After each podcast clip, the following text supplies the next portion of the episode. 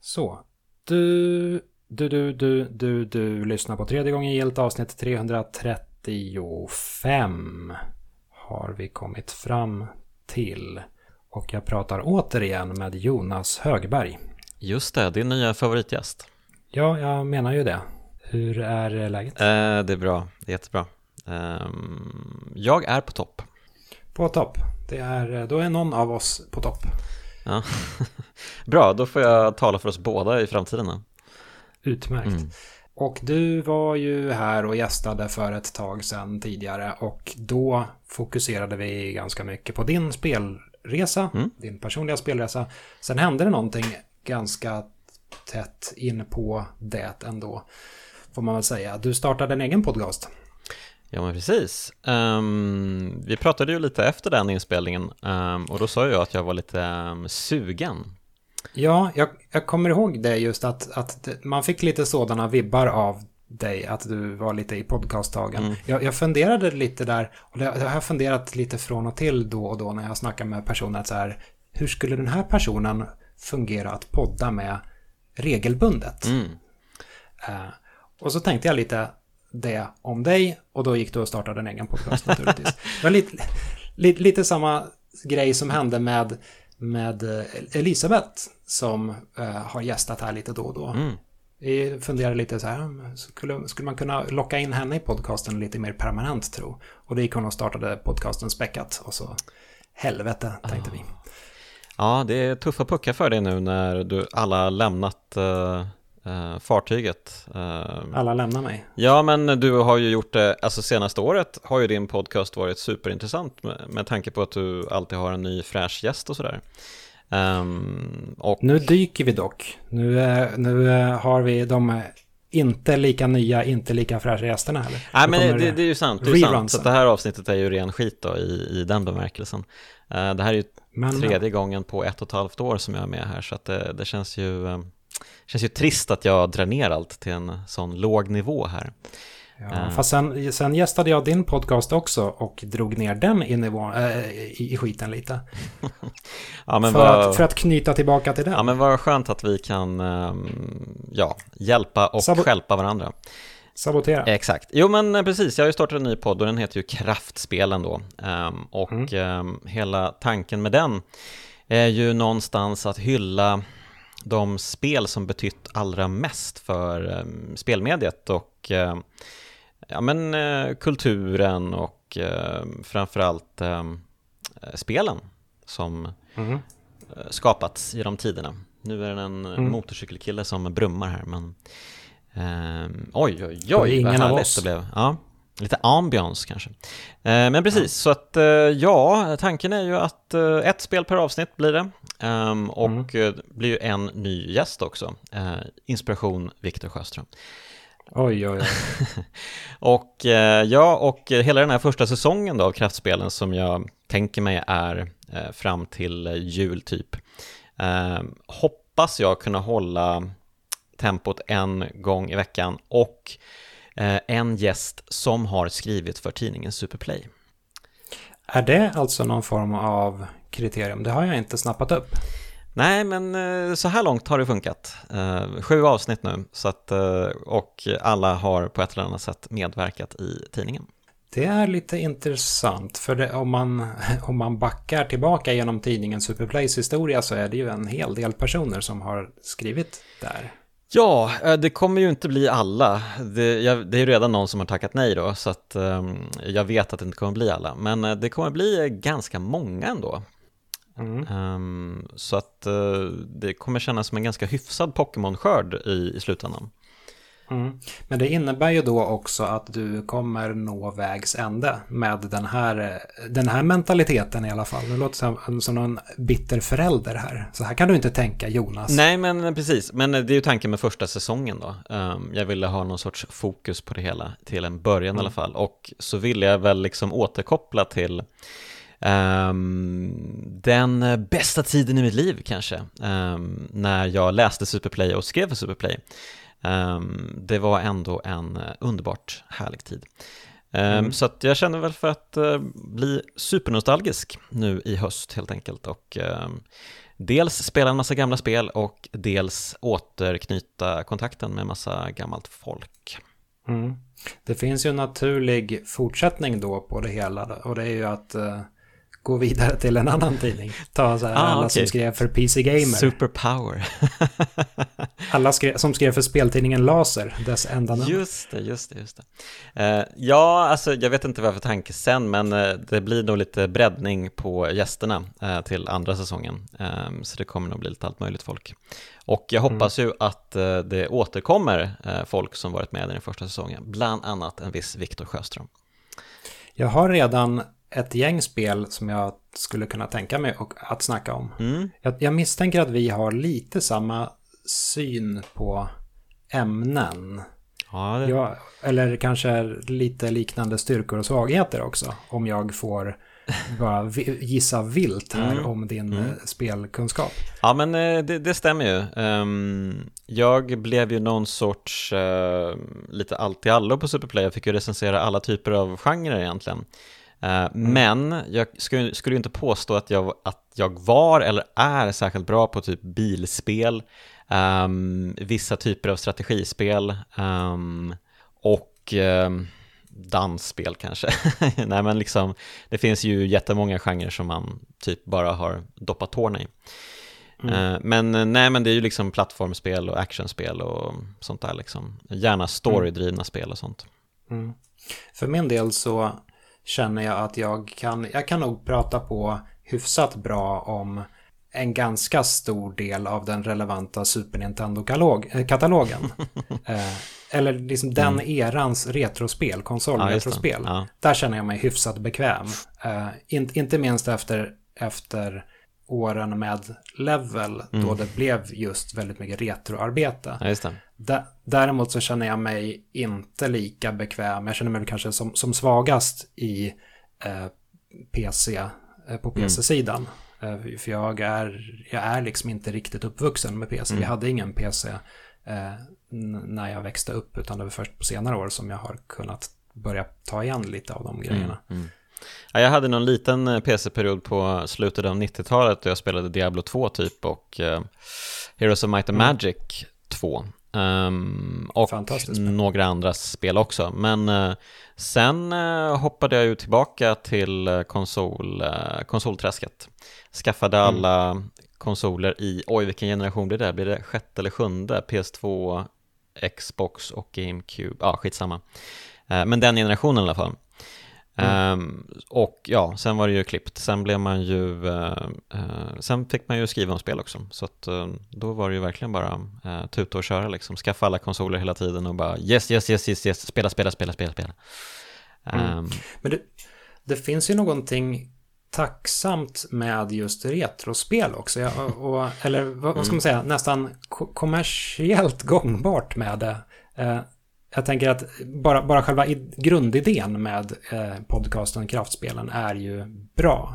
Mm. Eh, att ha, ta ett spel, ett älskat spel som många kan relatera till och sen gå in på djupet med det spelet. Eh, och just att behandla retrospel, att, att, vad ska man säga, hitta en anledning att spela om retrospel är ju någonting som har blivit ganska poppis på senare år. Om man mm. bara här i Sverige Christian Hedlund sitter och youtubar retrospel. Mm. Eh, Gaminggrannar håller på med retrospel och har gjort det till sin grej. Eh, och jag undrar om det finns personer som spelar retrospel bara för spelandets skull. Mm. För det känns som både, både du och jag gillar retrospel, kör en del retrospel, men vi har gjort det ganska mycket av en anledning. Mm. Att vi ska skapa någon slags material av det hela. Ja, det är sant. Det är lite för mycket content tänk där ju kanske. Um, det finns, jag brukar ju spela om Super Mario World en gång om året ungefär. Um, bara för att det är världens bästa spel och för att uh, det, är det. det förtjänar att det tåls att spelas om um, väldigt ofta. Men, och sen är det ju kanske Super Metroid också som kommer i flödet, uh, spelflödet uh, med några års mellanrum. Um. Ja, de flesta Mario-spelen dyker väl upp på ett eller annat sätt liksom. Men det är ju inte så att man liksom tar sig an typ gamla Quantum Fighter eller något sånt där spel bara för att det skulle vara kul att spela. Tyvärr mm. kanske. Um, just nu blev jag väldigt sugen på att spela Quantum Fighter. Jag vet inte exakt varför det dök upp i munnen. Um, men uh, det var ju ett av de där spelen jag hade till NES en gång i tiden. Mm. Um, Headbanger-spelet. Just det, man slåss med håret. Mm. Grymt spel. Men därmed så kanske det då är lite skönt att, att kunna ha ett projekt som kraftspelen då. För att det ger en ger dig en anledning att gå tillbaka till retrospel och hur, hur krasst man än ska se på det, även om, även om man ser det, även om man kan, kan säga att det är lite fult att jag spelar för att skapa content, så ger det ju även, ja men just en, en anledning mm. att spela. Det är som, som när man skrev speltidningar och skulle skriva en liten retroartikel om, jag vet inte, Lilat Wars. Då fick man en anledning att gräva ner sig i Lilat Wars. Mm. Uh, mm. Och det i sig är skitmysigt. Ja, men absolut. Det var ju lite så jag kände med satsningen också. Ehm, jag hade ju precis kommit tillbaka efter en liten uppehåll med spel nästan. Jag hade inte spelat så mycket alls något år. Um, men sen så, ja men det här är ju kul ju, men hur ska man liksom bibehålla det här intresset? Uh, just det, det här jag gjorde förut, det här med att typ ehm, skriva och analysera spel. Hmm, man kanske ska börja med det igen.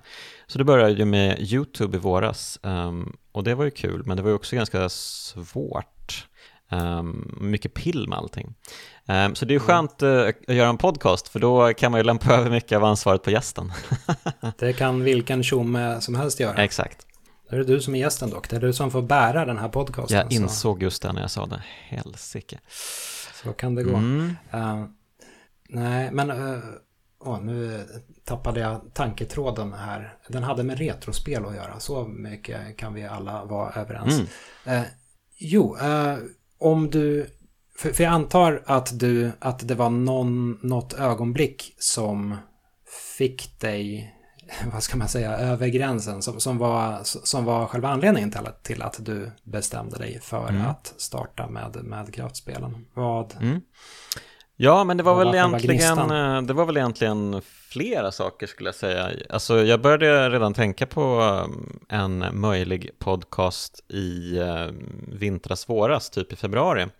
Um, mm. När jag just såg Carl Johan Johansson twittra om Zelda Breath of the Wild. Mm. Um, och um, det var liksom saker jag inte riktigt hade tänkt på själv. Och det var väl då jag kände att ja, det här är ju jätteintressant. Jag skulle gärna sitta och snacka med honom om det här och liksom eh, verkligen grotta in mig i allt det här. Eh, och, mm. eh, ja, men och sen så var jag gäst hos dig och sen så ja, la jag väl ihop ett och ett typ. Och eh, kom fram till att det är klart jag ska ha en podcast och det är klart att det ska handla om detta. Jag hade ju en eh, podcast för typ fyra år sedan med Jakob Svärd eh, mm. som hette Efterspel där vi spelade ett spel åt gången och eh, försökte liksom dissekera det så mycket vi bara kunde liksom. Um, vilket inte var helt uh, gångbart um, eftersom Jakob inte kunde hålla riktigt samma takt som jag. uh, Men uh, också för att vi spelade så många tråkiga spel. Ja men du vet mm. liksom, vad kan det ha varit, Mafia 3 eller vad det hette, typ och ja, men sådana spel. Som... Men, varför, men varför det? Varför gjorde ni det? Ja men man spelade ju, då, då hade vi fått eh, tanken då att eh, ja men det är klart att vi ska ha en modern podcast som tar upp moderna spel och sådär. Um, och eh, spel som är aktuella och sådär. Mm. Men det var ju en felaktig tanke. Um, som jag har rättat till uh, helt enkelt. Så nu... Det du, eh, det, det du, menar är att moderna spel är tråkiga? Nej, men eh, det tycker jag ju inte riktigt heller, utan alltså kraftspelen, det kan ju vara spel från alla möjliga perioder. Veckans avsnitt är ju faktiskt med Carl-Johan Johansson om Zelda Breath of the Wild. Mm, vilket alltså är avsnitt nummer sju. Det är avsnitt nummer sju. Um, så att uh, jag fick ju som jag ville till slut där. Um, och uh, nu antar jag att nu hade jag ju kunnat avsluta podden också. Nu har jag ju liksom Nu har jag avslutat det jag, jag, tänkte mig från början. Sluta på topp. Sluta på topp. Nej, men uh, det ska, det ska hålla på. Um, jag hoppas hålla det här liksom tempot uppe. Det, det, är ju lite knäckande ibland när man eh, har fått ehm, eh, requests från gäster att spela rollspel efter rollspel um, och mm. hålla det här tempot. Det blir lite konstigt i slutändan. Mm. jag tänkte faktiskt tanken där. Jag, eh, jag har lagt in en, en request på ett framtida mm. spel till dig yeah. om jag skulle återkomma yes. Eh, som gäst. Nu eh, då, då, då sa du att ja, men inte nu. Vi tar det sen någon gång. Mm. Ja, men eh, du, så här, du, spelet är, är, ju bokat till dig, så är det ju. Uh, men det kan ju dröja ett tag innan vi kommer dit. Um. Ja, och, och, och det fick mig in på tanken då att om jag skulle lägga in en till beställning på ett spel. Ja, nu börjar du bli girig här hörru. Ja, precis. Jag roffar åt med alla godbitar, ja. alla, alla goda spel. Och då tänkte jag, fan, Chrono Trigger, det kan jag snacka om. Chrono Trigger är fan topp 5 någonsin. Ja, men det är ju ett Och det är just ett stort, mm. långt rollspel. Så uh, det var kanske feltänkt av mig. Nej, men det, nej, nej, nej, absolut inte. Um, men det är ju bara det att jag måste ju kunna varva de här rollspelen med typ lite mindre spel. Um, som uh, Nasir Al-Khoury till exempel, han uh, bad ju att få spela Snood, ett uh, gammalt pusselspel som man kan spela i mm. typ två minuter, fatta grejen och um, sen vara klar med det typ. Mm. Så det var ju helt underbart. Tack Nasir för det. Um, men uh, de flesta tänker ju liksom stort och grandiost, så här bara ja, jag får prata om vilket spel jag vill, uh, som är ett kraftspel då.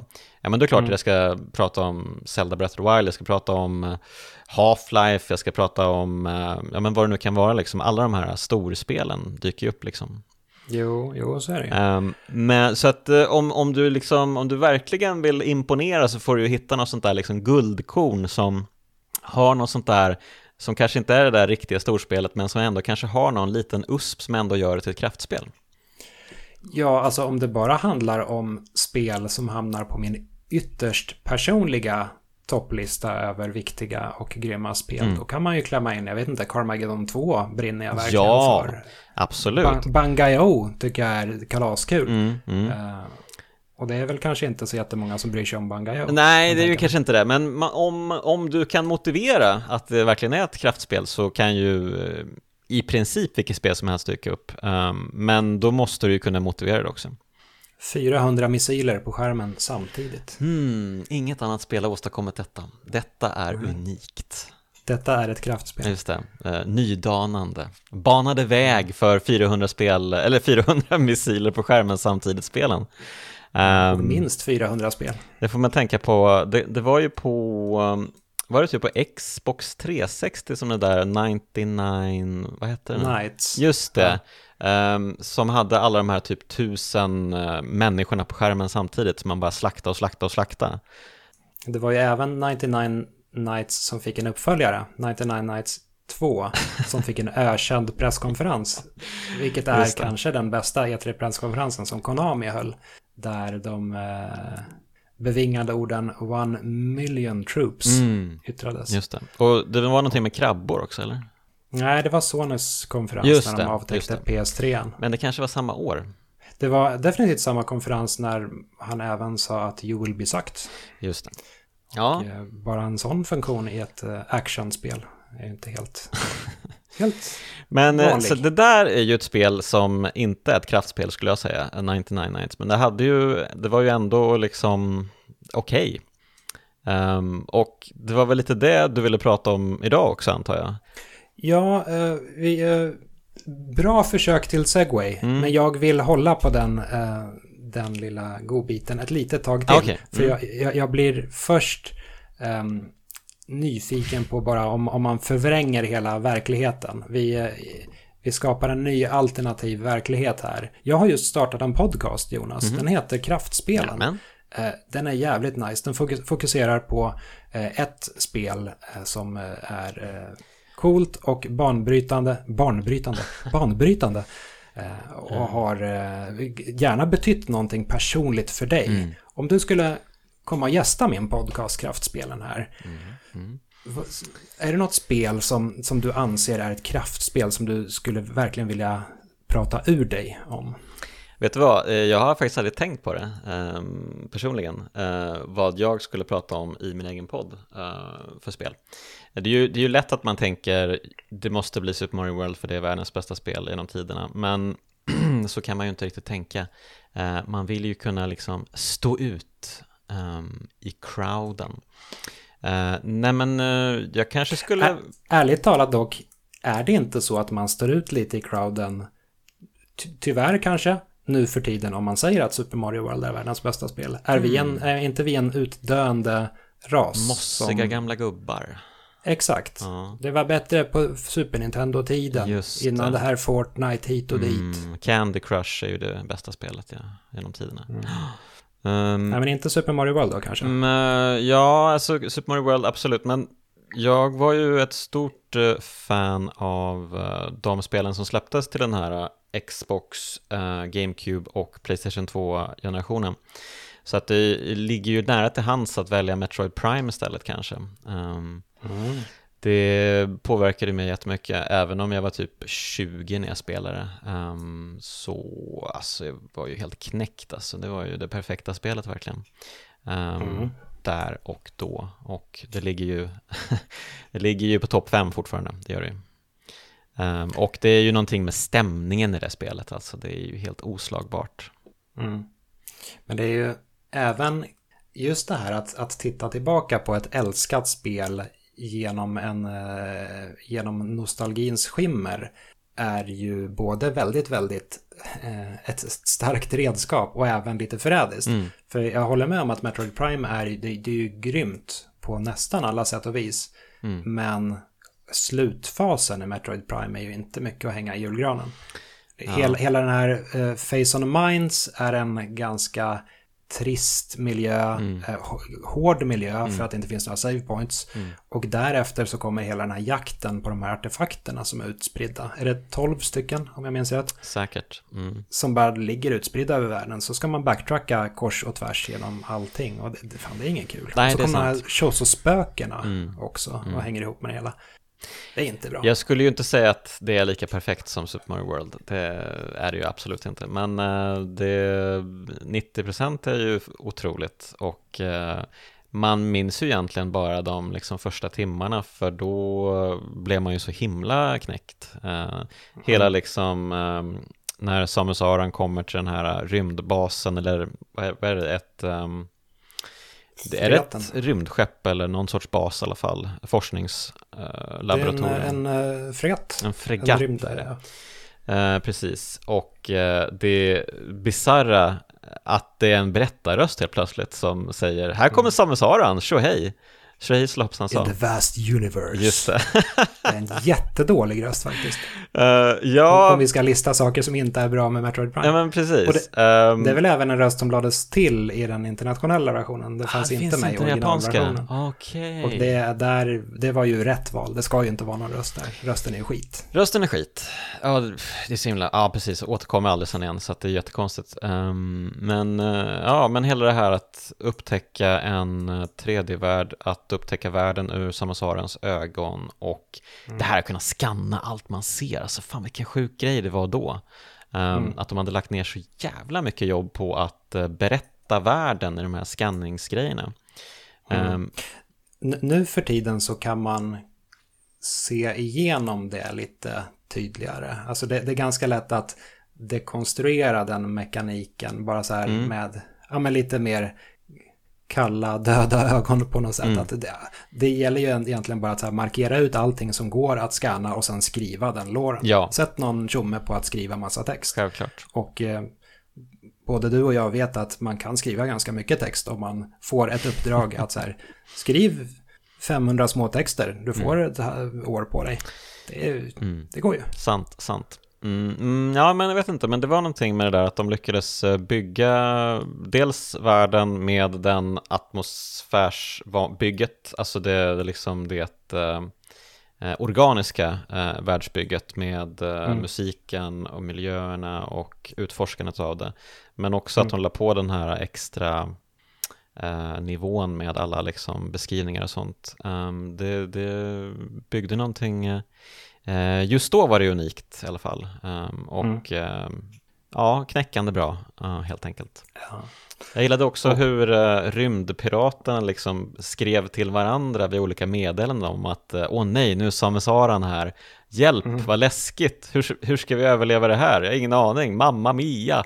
Och mm. uh, typ byggde upp Samesaran som värsta så här, superhjälten verkligen, vilket hon ju är såklart. Men att de i världen också känner till henne och reagerar på henne, det var, det var häftigt tyckte jag.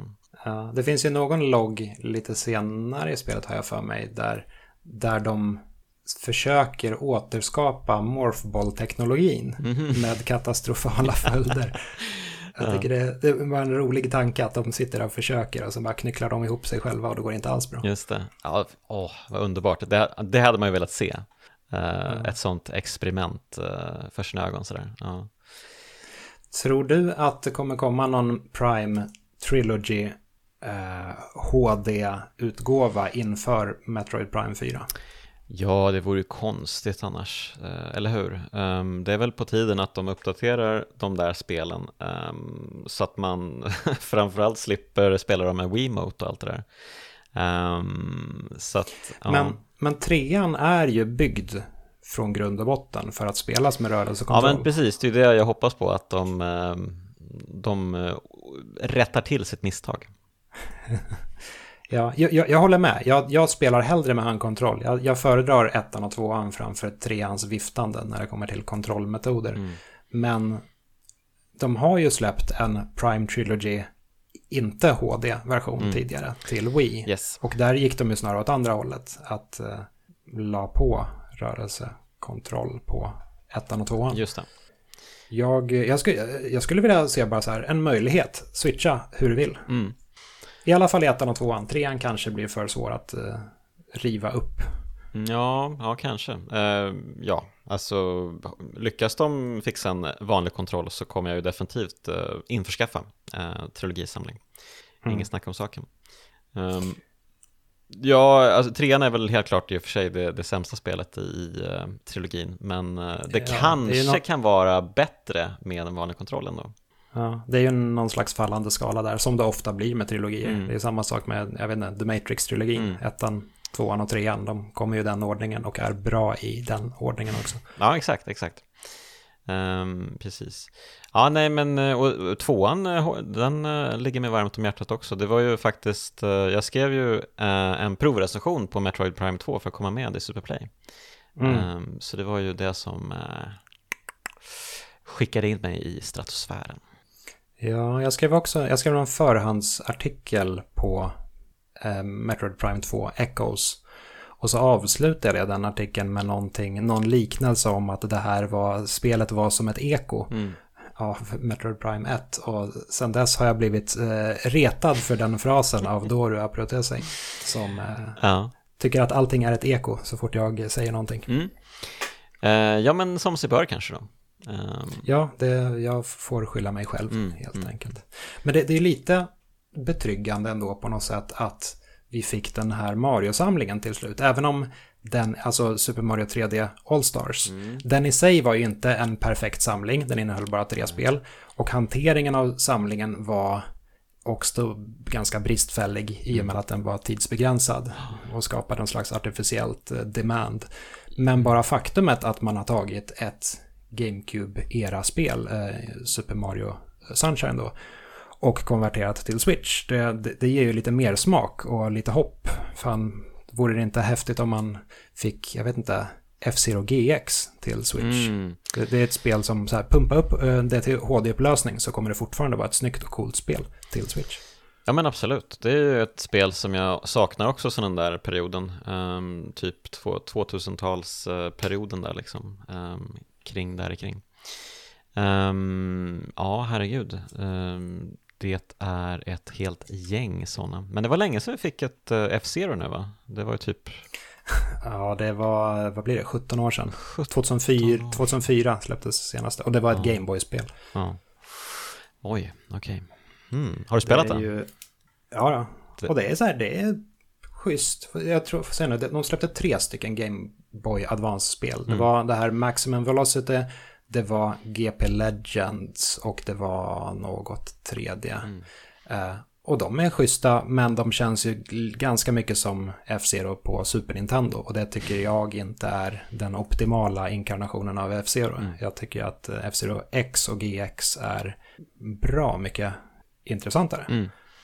Ja, nej men eh, jag håller med. Jag är väl inte lika supernördig i de här spelen som du är kanske, men eh, jag har stor behållning av båda. Um, de var ju verkligen uh, Nintendos svar på Ridge Racer och de här uh, Playstation-spelen som övermannade hela uh, spelvärlden där. Eh, och i min mening mycket roligare också. Mm. Ja, det var en lite, lite märklig situation där när ja, F-Zero kom till Super Nintendo och sen ett par år senare kom Wipeout till Playstation 1. Och sen kom F-Zero X då till Nintendo 64 mm. och kändes som på sätt och vis någon slags svar på Wipeout. Mm. Trots att F-Zero i själva verket är ett, en äldre spelserie. Men, ja, men. men, men. Så kan det gå. Ja, shit pommes frites. Uh, men du var uh, även inne då på um, spel du försökte gå över till det, men jag var kinkig och ville inte gå över till det. Men nu är det dags att gå över till det. Okej, här kommer den. Segway. Nu, ja, det här blev inte alls en lika snygg segway som du var inne på, men vi, man tar vad man har. Mm, mm. Kraftspelen är ju, eller kraftspel, enligt Kraftspelen-podcastens eh, definition är ju, är ju viktiga, stora spel, eh, spel som är värda att gå tillbaka till. Mm. Den absoluta merparten av tv-spelen och datorspelen på denna jord är ju inte mm. kraftspel ja. därmed. Mm. De allra flesta spel, på gott och ont, som man har spelat, det är lite så här sju av tio spel. Mm. Eh, eller ännu värre, eh, kanske rent av dåliga spel. Men ja. ett ganska stort segment av just spel som är behöver inte vara något större fel på dem, men det är lite slit och släng. Man kör igenom det en gång. Man kanske till och med har lite kul med det, mm. men det finns inte någon som helst anledning till att gå tillbaka till det. Mm. Så här, jag vet inte, det här, vad heter det, X-Men Origins Wolverine. Det är ett ganska kul spel men ganska kul hoppattack. Eh, okay, jag hade trevligt ja. med det. Jag kommer inte någonsin röra det igen. Bulletstorm, samma mm. där. Uh, Binary Domain. Åh, oh, Binary Domain. ja, alltså det, det, är ju ett trevligt spel. Man hade väl mm. kul med Binary Domain för all Jag har inte tänkt på det men... på, pff, jag vet inte hur många år. Ja. Nej, det, det, är ju det. Och hade inte jag sagt det nu, då hade du förmodligen gått igenom resten av livet och inte ägnat en tanke. Verkligen. Och det är ju, det är där merparten av alla spel hamnar. Mm. Ja, men det är ju intressant det där, för förr i tiden, mm, förr i tiden, eh, långt tillbaka i tiden då, eh, så var ju merparten av alla spel eh, riktiga skitspel. Om man mm. tänker liksom 80-tal. Ehm, mm. Det går ju knappt att spela merparten av NES-spelen, tycker jag. Um, eller man har inte så kul med dem i alla fall. Um, och skulle man uh, recensera dem idag så hade man ju kanske gett dem typ 3-4 i betyg, de flesta. Um, mm. Men det har ju liksom ändå blivit bättre, alltså uh, nivån har ju höjts med tiden. Och sen typ uh, mitten på 2000-talet så har ju de flesta spelen liksom legat i det där skiktet 6, 7, 8 ibland. 8 kanske är för bra, men 6, 7 kanske. Eh, mm. Eller eh, 3 plus på en femgradig skala typ. Mm. Eh, liksom, ja men de är helt okej. Okay. De eh, gör inget för att eh, de gör inget för oss, de gör inget för sig själva, de, de existerar bara och är allmänt småputtriga liksom. Um, mm. Men ja, herregud, och jag har alltid funderat på det där att Um, tidigare så bläddrade man ju nästan alltid förbi dem, den typen av spel. När man såg att betyget låg på, ja men kanske 75, så tänkte man, det här är inte intressant för mig. Uh, spel mm. måste få uh, 85 kanske, eller högre, för att det ska bli, vara liksom riktigt brännande uh, intressant. Mm. Ja, på, på den gamla, eh, den riktigt gamla Superpower-tiden, mm. Eh, föregångaren till Superplay, då var det ju verkligen så att man gallrade bort, så här, om det var 80 någonting, då var det ändå en asterisk där. Mm. Att, ja, jag vet inte fan om jag vill lägga pengar på ett spel som får 87 i betyg. Och det är ju konstigt. Ja, Tänk. men det, det var väl kanske redan, alltså det kanske var redan på den tiden att jag tror att de satte lite för höga betyg generellt eh, på spel. Ja, det var en uppfuckad betygsskala. Ja, precis. Och jag menar Donkey Kong Country fick ju 100 av 100 eh, till exempel, ja. vilket ju eh, kanske har ångrats av sagda individer, eh, skulle jag anta. Ja. Um, ja, precis. Så att, uh, nej men uh, nu för tiden, ja herregud, um, nu är det ju sällan man kastar sig över sådana spel. Uh, men jag har ju spelat sådana enorma mängder 3 plus-spel eller 6-7-spel. Mm. Um, alltså herregud, vad tänker jag på? Jag tänker på um, Until Dawn till exempel. det här um, Skräckspelet? Eh, skräckspelet som var inspelat. Tyckte det var ganska mysigt faktiskt. Ja, det var mysigt, men var det verkligen värt mer än en trea eller en sex, sjua? Um...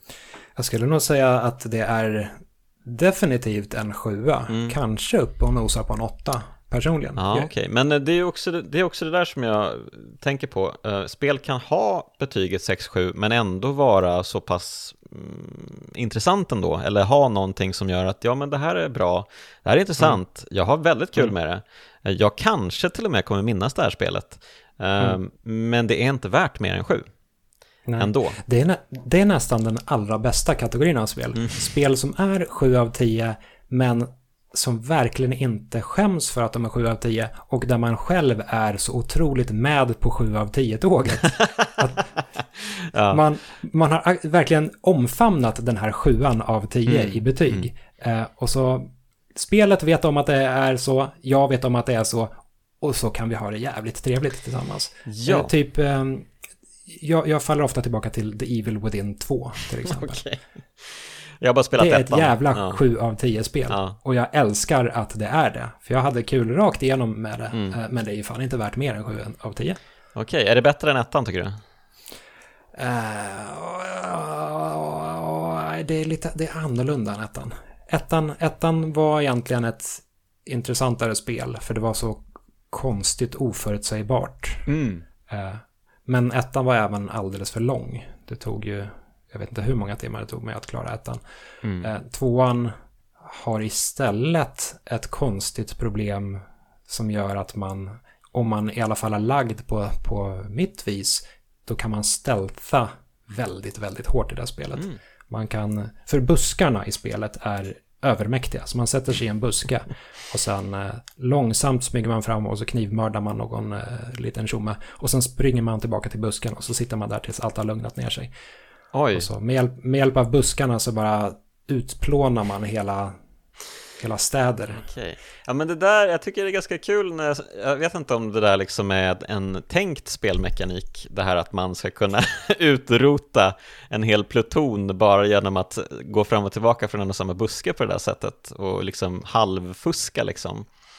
Mm. Eh, men det är ganska många spel som ändå liksom har det där att man kan man hittar någon liten vinkel eller någonting som gör att eh, ja men nu, nu har jag liksom eh, överlistat spelet på något sätt liksom. Ja.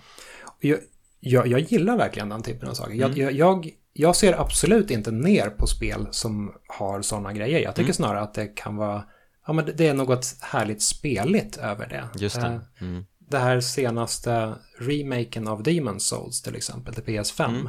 Mm. Eh, det har en slutboss som man mm. kan döda genom att kasta Poison Cloud på. Och eh, ja, om man bara står helt rätt så kommer bossen överhuvudtaget inte attackera en. Sen får man ha en jävla massa tålamod. men det går att eh, förgifta ihjäl bossen. Ja. Och jag, eh, jag gjorde det och det tog tid och jag hade på, på något sjukt sätt jävligt roligt samtidigt som jag gjorde det. Stod ja. och tittade och sakta, sakta dränerades bossen. Ja, men det, det, är någonting med just gift i spel som är väldigt tilltalande. Det, det känns ju inte riktigt som att eh, spelskaparna har tänkt sig för när de inkluderar gift i spel. eh, mm. För det, det, det, blir så himla eh, påtagligt att man kan kisa systemet då på något sätt.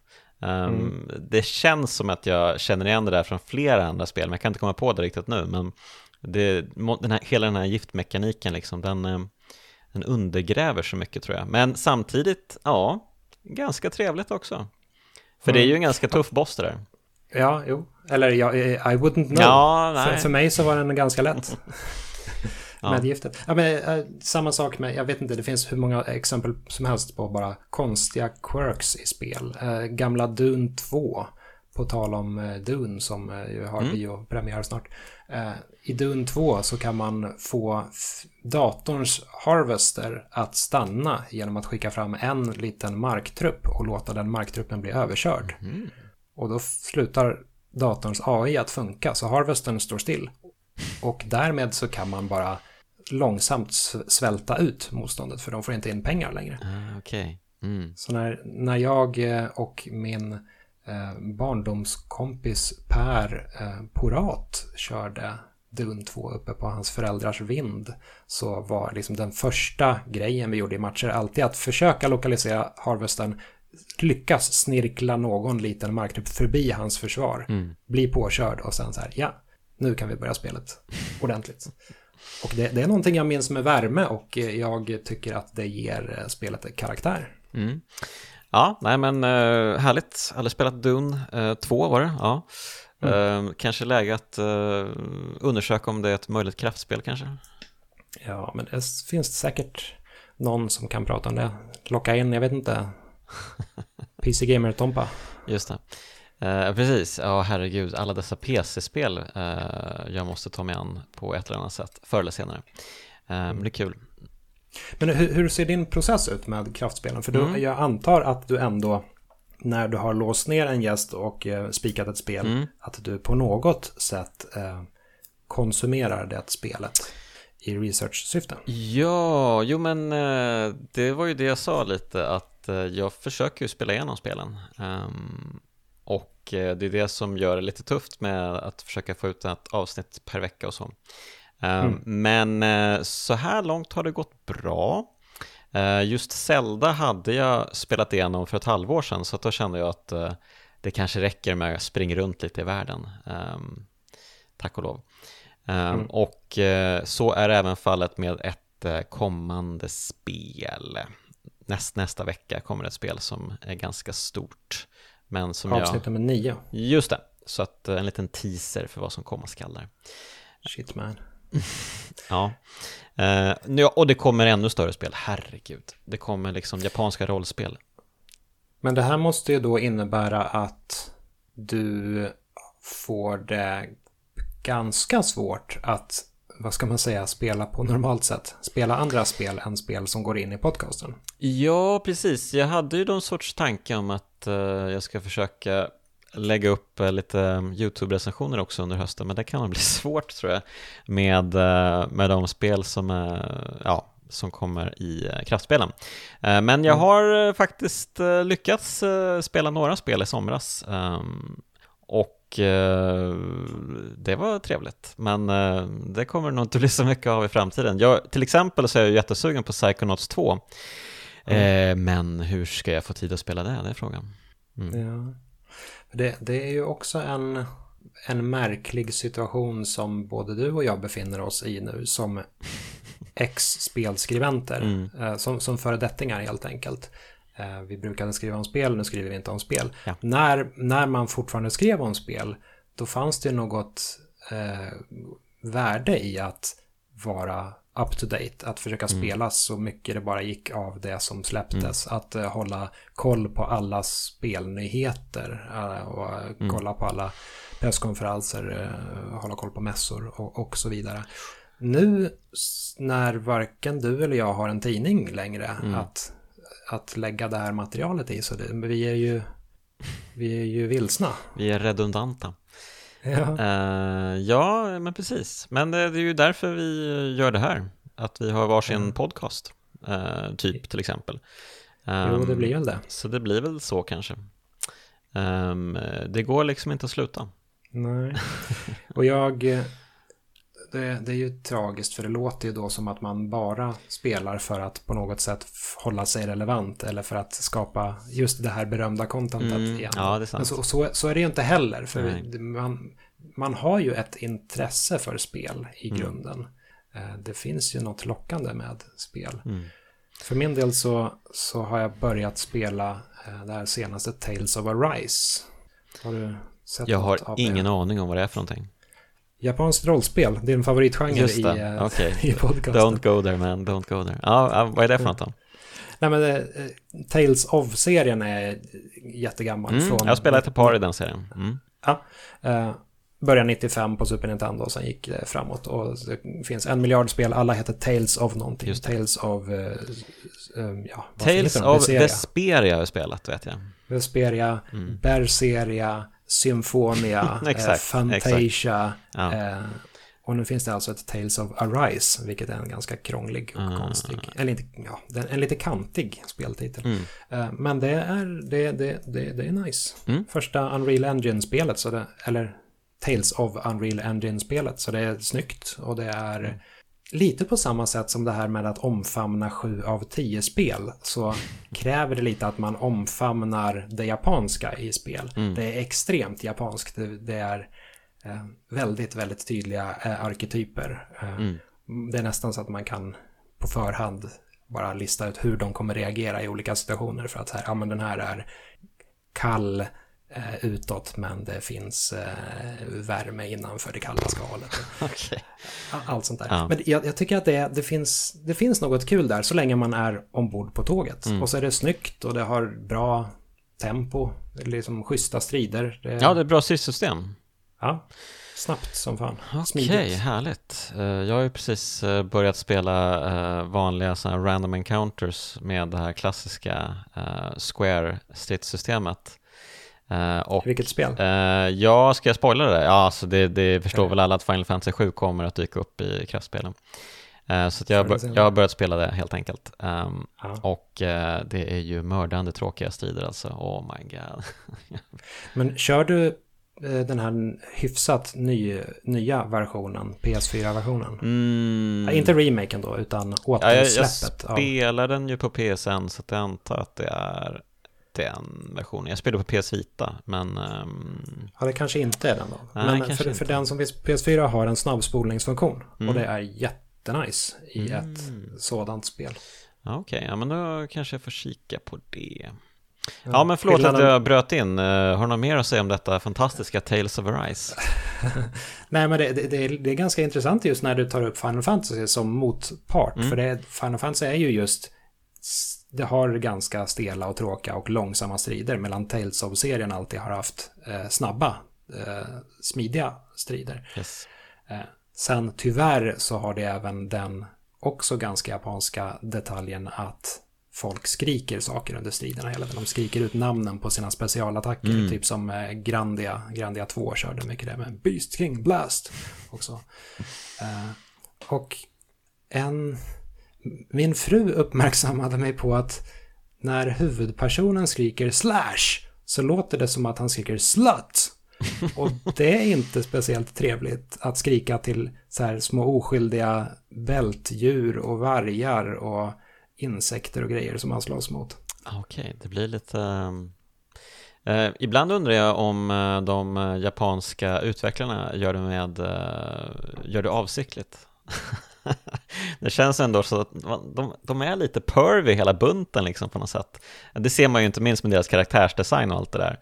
Att alla, mm, att alla ska vara liksom, att alla tjejer ska vara liksom 15 år gamla max och eh, Mm. eh, vara extremt liksom översexualiserade och sådär. Ehm, Ja. Så att den där, den där grejen får mig misstänka att det är något på G. Ja. Och det ser man ju här också att eh, ja, men en av de två huvudpersonerna, den, den kvinnliga huvudpersonen helt enkelt, Mm. hon, är, hon är väldigt ung eh, och ja, men just hon är, hon är en väldigt japansk spelkaraktär. Ja. Japansk kvinnlig spelkaraktär. Det är vad det är helt enkelt. Ja. Mm. Eh, Ja. Så, nu vet jag inte riktigt var, vart jag var på väg med detta egentligen. Eh, Är det ett spel du rekommenderar folket där ute i stugorna? Jo, men det gör jag väl i och för sig. Om det är ett 7 av 10 är- spel så är det väl fullt tillräckligt för folk antar jag? Ja, just det. Nej, jag skulle säga att det är, det är nog mer än så. Och Oj. överlag, Ja, ehm, det är nog en 8 av 10. det var Ö- så. Överlag så har min relation till japanska rollspel var den att jag tyckte att de var väldigt roliga för kanske 20 år sedan. Eller kanske till och med 25 år sedan. Mm. Vad gammal man är. Men Ja. nu för tiden så, eller rättare sagt, därefter kom en lång dipp när jag tyckte att det var typ det tråkigaste som fanns. Mm. Men nu har det kommit någon liten ändå uh, ja, ny guldålder kanske jag inte skulle säga, men ja, mm. kanske lite på gränsen.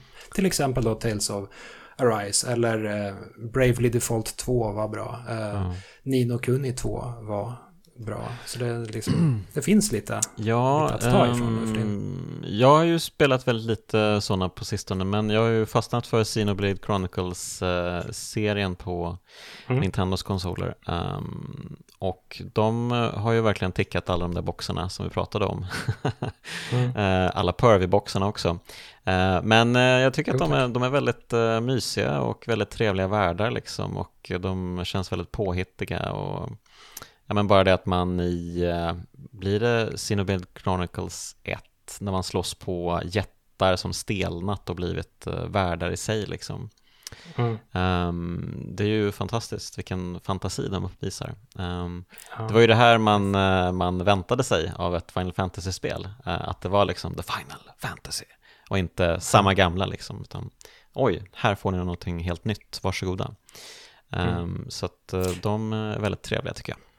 På så sätt ser Final Fantasy 16 lite slätstruket ut mm. av det vi har fått se hittills. Ja, verkligen. Det är jag inte sugen det, på alls. Det ser ut att vara ett ganska brungrått, lite västerländskt eh, tänk på det hela. Mm. Lite mörkare, lite råare, lite för den som gillar typ, jag vet inte, The Witcher eller eh, Dragon Age eller, eller så. Ja, det kanske är högst medvetet att de försöker ragga lite västerländska rollspelsfantaster. Mm.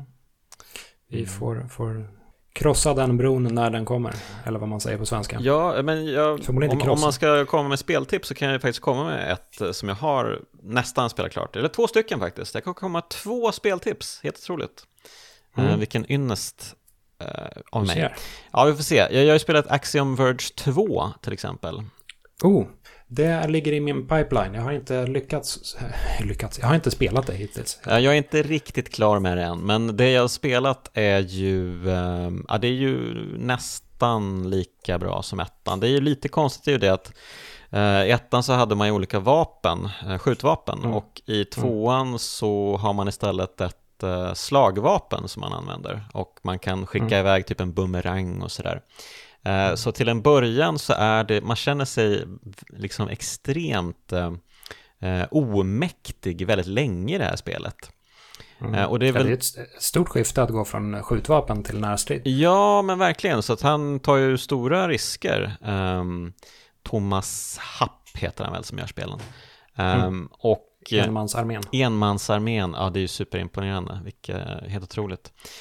Och, men sen händer det någonting ungefär, ja vad kan det vara, eh, en tredjedel in i spelet kanske något sånt. Ehm, då får man liksom möjligheten att hoppa mellan människoform och eh, liten robotform. Eh, mm. Och roboten har massa andra egenskaper. Och när man kan hoppa mellan de här två formerna liksom on a whim, som man vill, då blir spelet svinkul ehm, och mm. öppnar verkligen upp sig. Då kan man ta sig till alla möjliga nya platser och sådär. Um, så att det gäller bara att stå ut de första tre, fyra timmarna kanske. Mm. Jag har ju som sagt inte kört tvåan. Uh, jag har kört ettan och gillar den skarpt. Uh, och det är ju en uh, klassisk Metroid-klon. Mm. vad jag har hört av tvåan så ska det väl fokusera mer på just själva utforskandet och att, men, men däremot så är striderna inte mm så jättebra. Så är det verkligen. Eh, det, egentligen så kan man nästan hoppa över fiender och försöka undvika dem snarare än att slåss. För att som sagt, det, det känns så, um, man känner sig så uh, värdelös som slagskämpe i det här spelet. Mm. Så att, ja, istället försöka undvika allting och sådär. Så det är ju ganska stor skillnad egentligen mot ettan, så på så sätt är det ju jätteimponerande. Det känns ju verkligen som att han Eh, det är ju vissa delar, ehm, liksom um, låren och världen och sådär, de, har, de hör ju ihop liksom och så, men det känns som två helt olika spel på många sätt. Mm. Så väldigt kul, um, det kan jag verkligen rekommendera. Det båda är gott inför ett e- eventuellt Axiom Verge 3 då. Vad, vad gick det mellan ettan och tvåan? Sex år? Ja, men det, det är ju inte så lång tid för en person. Uh, Nej, Men den, med, med, den matematiken då så kommer vi få Axiom Verge 3 år 2027. Tjoho, säger vi på det. Uh, och. Uh, så har jag ett till spel jag vill rekommendera folket där ute i stugorna och mm. det är Great Ace Attorney. Um, mm. Som uh, den här samlingen med två Great Ace Attorney-spel och det är alltså då en sorts spin-off på Ace Attorney-spelen med Phoenix Wright i huvudrollen. De här... Advokatsimulatorn. Exakt, exakt. Um, så att uh, de här spelen utspelar sig i slutet på 1800-talet i London uh, där Phoenix Wrights uh, förfader, antar jag att det är, um, han är ju japan den här killen, uh, har färdats från Japan till London för att lära sig allt om advokatväsendet, mm. men dras in i många konstigheter istället. Um, och det är ju lika um, entusiastiskt, härligt och crazy bananas och mysigt som Ace Attorney-spelen är. Um, så att jag är nästan klar med första spelet och har verkligen njutit i stora lag. Uh, ett uh, kastuppdrag men resten är skitbra. Mm. Då har vi ju gemensamt då spelat tre stycken spel som eh, jag vet inte om man skulle kunna potentiellt eh, placera dem i kraftspelen eh, någon gång i framtiden. Eller om de faller i den här 7 av 10 kategorin. ja, det är frågan det. Nej, men första Ace Attorney, det tycker jag definitivt hör till kraftspelen. Eftersom mm. Ja, men det dök ju upp ganska länge sedan, typ 2005-2006 någonting. Um, och det kändes ju helt nytt på den tiden. Um, mm. Vem hade kommit på tanken att göra en advokatsimulator liksom? Ja. Axiom Verge 2 kanske skulle gå att det kanske platsar bara tack vare att det är så annorlunda gentemot ettan. Ja, men precis. Jag kan, jag kan faktiskt inte riktigt minnas eh, en uppföljare som är så annorlunda. Um, så absolut, det är ju faktiskt ett, eh, ett giltigt skäl. Mm, ja, i och för sig. Eh, där snackar vi ju perspektivbyte och allt möjligt. Eh, hmm. Ja, ja, ja, men då kan man ju lika gärna säga uh, A Link to the Past och Ocarina of Time. ja, uh. Fast då kläms det ju in en, eh, det är ju inte, de är inte direkta, det kommer Nej, jag vet, Link's, Link's Awakening, Awakening just det. Mm. Okej, okay, Link's Awakening och uh, Ocarina of Time då. Ja, så säger vi. Så säger vi. Tales of Arise skulle jag nog kanske potentiellt kunna platsa, eh, klämma in där som ett kraftspel. Just för att det känns som lite av en nytändning för hela serien. Mm. Serien har, Tales-serien, den har varit ganska bra ganska länge, men det här känns ändå som att de gör någonting nytt, någonting lite fräschare och något eh, annorlunda. Ja, jag har svårt att se det, eh, kan jag säga, men eh, man ska väl aldrig säga aldrig. Mm. Ja, det kanske inte är det första japanska rollspelet du tar med. Eh, nej, det kommer bli Final Fantasy 7. Ja. Kan jag avslöja. Får vi se vem gästen blir. Vi kan väl konstatera att det inte blir jag, för jag har inte blivit tillfrågad. Nej, jag vet inte. Vi har inte sagt vad du spelade, eller vad, vad du pratade om för spel i kraftspelen. Det var ju Resident Evil. Just det, och det, det var väl mest för att jag tvingade dig att prata om det. Jag pratar jättegärna om Resident Evil. Jo, men... Faktiskt, var, det, var det du som bestämde det? Exakt, det är typ Eh, tre personer som jag har eh, liksom tvingat att prata med spel. Eh, som du hyser speciell agg mot? Ja, men kanske det. Exakt. Så att jag väljer då straffa dig genom att få dig att prata om Resident Evil. Och, Varför ville du få mig att prata om Resident Evil? Nej men... Jag, jag, klagar som sagt inte, jag tycker att det är kul. Ja, jag har bara men... fått för mig att det är du som är Sveriges stora Resident Evil-kunnare. Uh, att... Det vet jag väl inte, men... Jo, men det tror jag. Det tror jag. Det tror jag alla Jag har kan. skrivit en artikel om Resident Evil 2 en gång i tiden. Det tror jag alla kan hålla med om, Viktor. Du är Mr Resident Evil. Vilka var de andra som du tvingade spela spel? Ja, men det var ju Carl Johan Johansson då och Zelda Breath of the Wild. Um, och uh, så är det en icke uh, utkommen den hemliga, avsnitt. Den hemliga men påtvingade gästen. Ja, precis. Um, och um, förhoppningsvis så blir det det uh, sista avsnittet för säsongen också. Oj. Mm. Episkt. Yes. Ja, uh, Och eh, det börjar väl kanske bli dags att avrunda den här podcasten kan jag känna. Nu har vi ändå babblat på ett tag om allt och inget.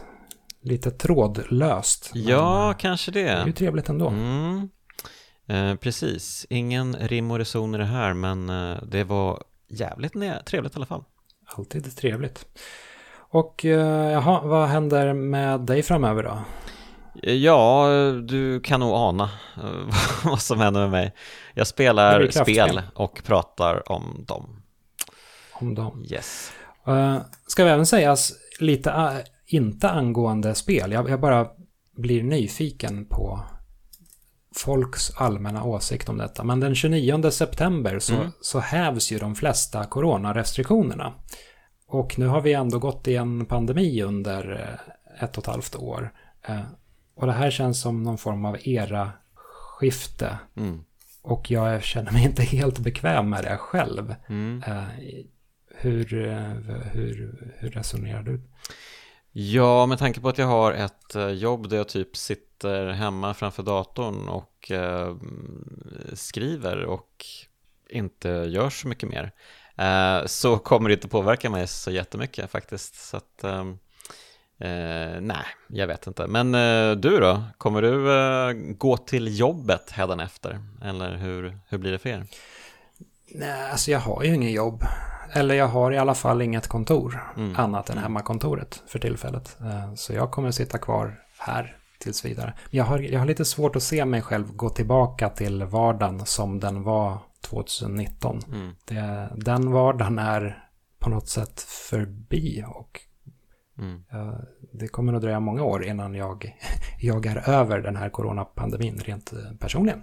Mm, mm, ja, jag när ju någon sorts förhoppning om att uh, peppar peppar kunna åka till uh, Japan någon gång i framtiden. Så att jag hoppas ju att uh, saker och ting ska bli bättre där också. Det är ju lite knepigt där borta.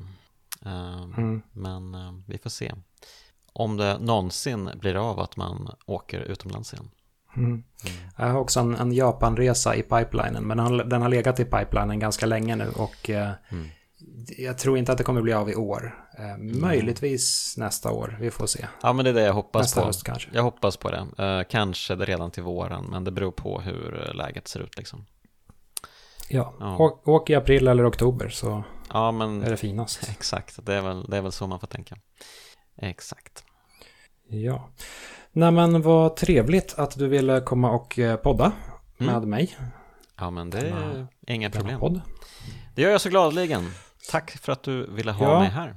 Så får du väl, eh, eller vi får väl styra upp någonting framöver om, eh, om någon poddar hit eller poddar dit. Vi får se var vi hamnar härnäst. Vårsäsongen i kraftspelen. Viktor Sjöström återvänder triumfatoriskt. Just det, för att prata om... Till en gång till. Mm. Kanske. Jaha, och kraftspelen finns på uh, här och var. Det gör det, på Instagram och på Twitter. Och uh, podden finns ju att uh, hitta på Spotify och ja, alla ställen man hittar poddar på. Mm. Mm. Och jag finns på Viktor Andersson på Twitter och jag finns på Triggerpong på Instagram. Så, tack så mycket.